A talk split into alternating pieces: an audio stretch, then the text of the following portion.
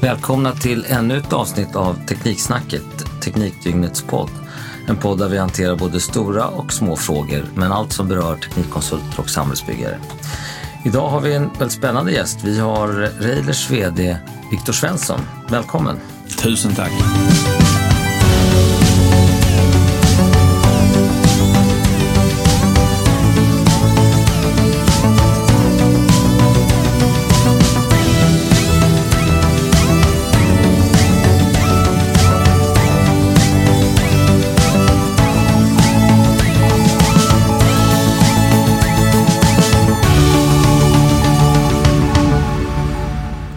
Vi med din bakgrund tycker jag. Du kommer från en liten annorlunda position jämfört med många andra i branschen som har arbetat sig upp genom linjebefattningar. Men du är ekonom och du var journalist och sen var du kommunikationschef på ÅF.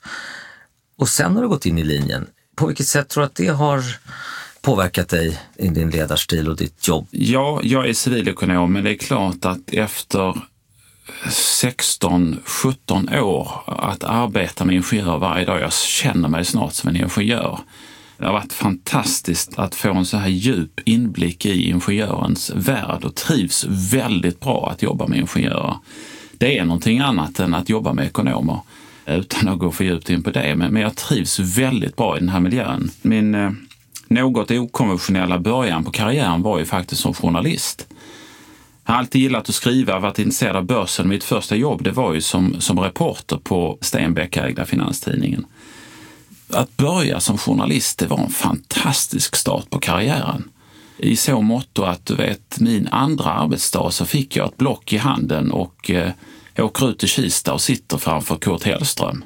En figur, en gestalt, en ledare som jag när jag pluggade mer eller mindre undrade, finns han? Eh, hur beter sig en VD?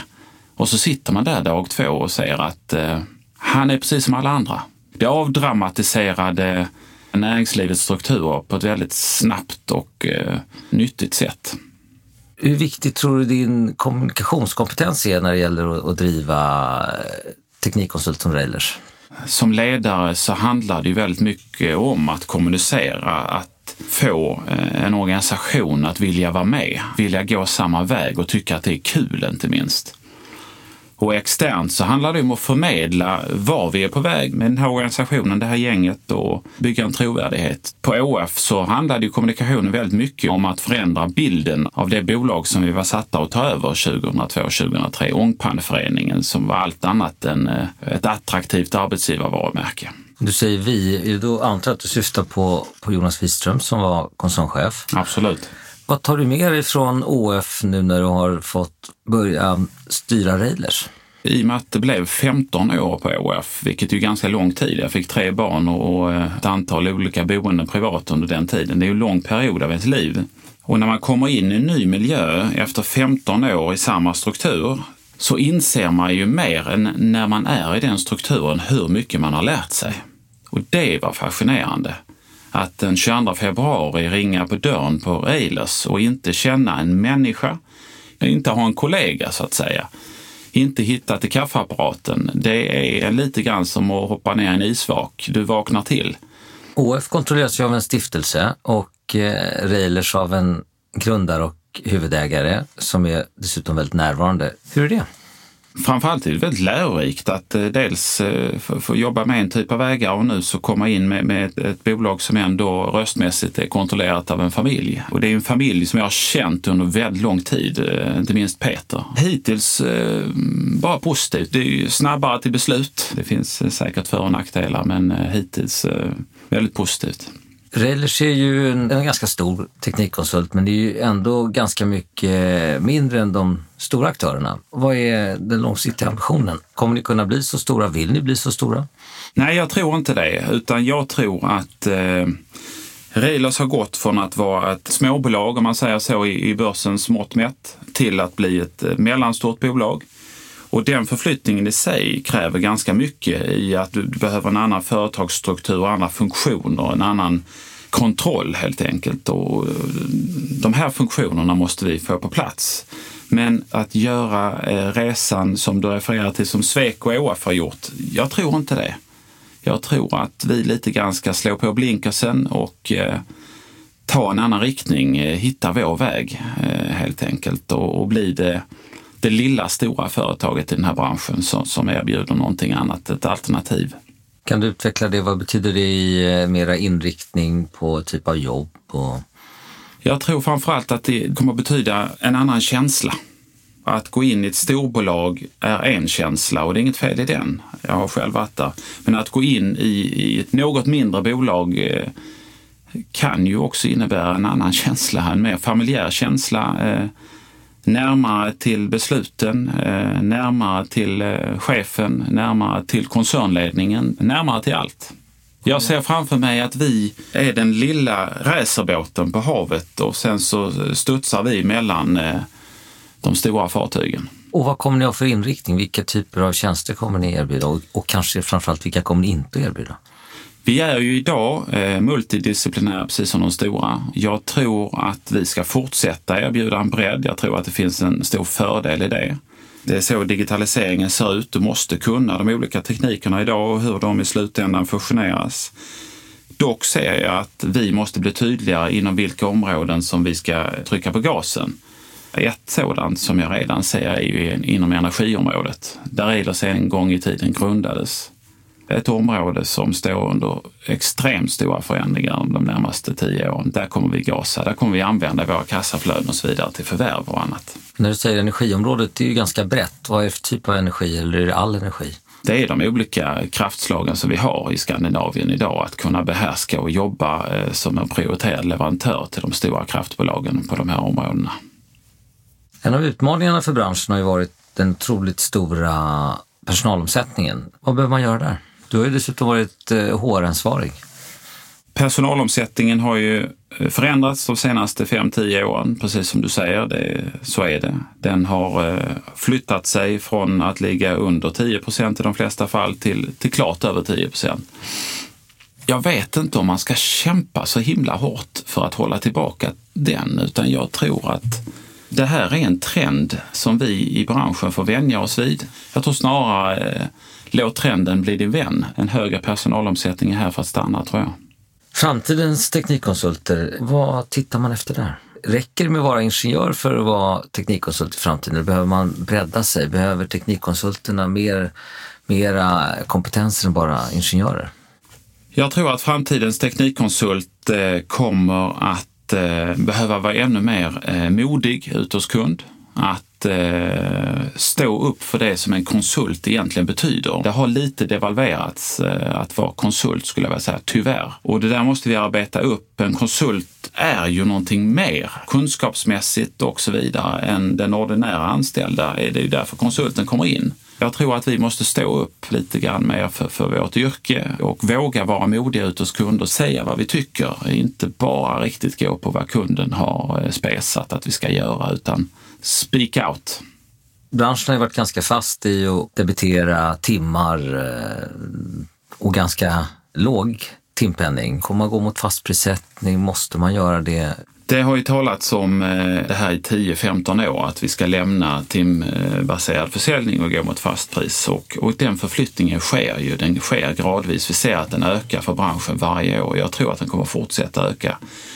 Samtidigt vill jag slå ett slag för grundmodellen, det vill säga timbaserad försäljning. Det får inte gå för långt att man nedvärderar den, utan det är ju så att säga grundmodellen för vår konsultverksamhet. Eh. Har man fått för lite betalt? Jag kommer ihåg för en 10-15 år sedan kanske det låg på 675 kronor i timmen i snitt. Vad tycker du skulle vara rimligt? Ja, det är klart att jag tycker att vi, vi tar för lite betalt i den här branschen. Samtidigt så måste vi vara självkritiska och säga att det är vi som har misslyckats. Eh, man får ju betalt eh, enligt eh, en marknadsmodell. Vi lever i en marknadsekonomi. Det är upp till oss. Så jag tror att vi måste bli bättre och förklara vårt värde. Sen tror jag att det är bra att branschen konsolideras. Vi är, det är en för fragmenterad bransch. Det finns lite för många konsulter. Där bär ju de stora ett, ett ansvar att, att leda konsolideringen av den här branschen och minska antalet offerter om man ska gå rakt på sak. Vilka kommer att ha vinnare? Kommer vi se den här trenden som man har sett? Det är de små nischade klarar sig bra, de stora på grund av sin storlek och sen de i mitten eh, har det lite jobbigare. Behöver det vara så? Nej, jag tror inte det. Eh, då hade jag inte tagit det här jobbet utan jag tror verkligen eh, att vi ska, vi ska erbjuda ett annat alternativ mellan de små och, och, och de stora. Eh, du har ju paralleller, om du tittar på IT-konsultbranschen så tycker jag HiQ är ett, ett eh, föredömligt exempel där man inte känner någon stress gentemot större leverantörer som Tieto och inte heller de små, utan där man har gått sin egen väg och gjort det väldigt, väldigt bra. Den där vägen med blinkersen på ska vi hitta för Eilers också. Hur internationell måste man vara? Är det bra att vara helnordiska? Räcker det? Ja, för oss tror jag att det räcker. Jag har ingen eh, stor vision om att ta ut Railers i stora vida världen utan vi ska istället eh, hitta vår position och roll eh, på den nordiska marknaden. Det är möjligt att vi lägger till ett land utanför Sverige, Norge och Finland framöver, men inte mycket mer än så. Vi har mycket kvar att göra i samtliga de här tre länderna, inte minst i Sverige. Vad tittar du på när du ska köpa bolag? Vad är det viktigaste? Nu har inte vi tittat så mycket på att köpa bolag än, utan jag, jag, har sagt till eh, mina ledarkollegor i bolaget att det första året här så tittar vi på vår egen operation för att få ordning och reda med det vi har. Sen så, så ska vi bli aktiva på ma marknaden igen och eh, då kommer vi eh, i synnerhet att titta på bolag inom energi, men även skulle jag säga som en bubblare så är försvarsindustrin någonting vi tittar på också. Många av teknikkonsulterna har vuxit via att man har kunnat förvärva med egen valuta. Det har blivit en, man kan göra det här som man på finansspråk kallar för multipel arbitrage, det vill säga man köper en vinstkrona för kanske sju och sen så när man kommer in i en listad miljö som alla noterade bolag är, så blir den kronan värderad kanske till 12, 13, 14, 15. Hur länge kommer det här att kunna fortgå? Just nu så ser vi ju ganska höga värderingar. Eh, aktiemarknaden har ju trots allt gått upp 4 000 dagar i, sträck, vilket ju är fullständigt världsunikt. Och jag tycker att man ser idag en, en annan riskaversion på, på marknaden. Att, att man, eh, nu hade vi naturligtvis en väldigt stor affär i vår bransch här ganska nyligen, men, eh, men i stort så tror jag att det blir lite lugnare på ma marknaden tills man ser det är ju ett osäkert läge nu rent generellt känner jag, där man, där man alla lyssnar på rälsen och undrar hur länge den här tioåriga högkonjunkturen eh, kommer fortsätta. Så jag tror att under närmaste året förväntar mig en lägre M&A-aktivitet än de, de senaste fem åren. Finns det en risk att man förköper sig? Ja, den risken finns ju såklart, utan varje förvärv är ju unikt och tar sin tid. Hur, hur skapar man den här vinnande företagskulturen som du ändå försöker? Jag tror att det byggs mycket på, på ledarskap, att, eh, att, att vi får eh, ett starkt ledarskap, ett jämnt ledarskap i bolaget och eh, jobbar mycket med det. Sen tror jag att det byggs mycket på glädje. Det är ingen rocket science. Man måste ha ett bolag där det hörs skratt i korridorerna. Våga bjuda på sig själv, driva med varandra höll jag på att säga, inom, inom naturligtvis rimliga gränser. Men att ha kul på jobbet. Skrattar ni mycket på det? Ja, vi skrattar mycket. Det är det som gör mig glad när jag kör hem på kvällen och känner att vi, vi har garvat loss. Ska du vara lite modig, Viktor, och berätta, vad, vad är Railers om fem år? Jag har ju höga ambitioner på det här jobbet och eh, jag har en bra känsla efter eh, tio månader i bolaget. Så att eh, jag hoppas att vi är mycket mer. Kanske inte jättemycket större, men jag ser framför mig ett betydligt snabbare bolag, ett något yngre bolag, det vill säga ännu mer young professionals i bolaget. Starkare varumärke på de svenska och de nordiska högskolorna. Högre lönsamhet, något högre tillväxttakt och sen, sen målar jag upp en liten smiley här på väggen. Det, vi ska ha jäkligt kul på vägen. Du har ju med dig en ägare och för detta VD och och eh, numera styrelseordförande. Va? Peter Eiler som är, är minst sagt både karismatisk och energifylld. Hur jobbar ni två tillsammans? Jag tycker det har börjat väldigt bra. Vi har sms-avstämningar, vi har telefonavstämningar och sen har vi styrelsemöten naturligtvis. Eh, vi hittar varandra. Jag har känt Peter i, i 13-14 år innan så att grunden fanns ju. Nu, nu gäller det att hitta Eh, våra arbetssätt som VD och ordförande och, och den start vi har fått har varit jättebra. Då tackar vi Viktor Svensson på Railers för ett intressant samtal. Tack! Tack så mycket!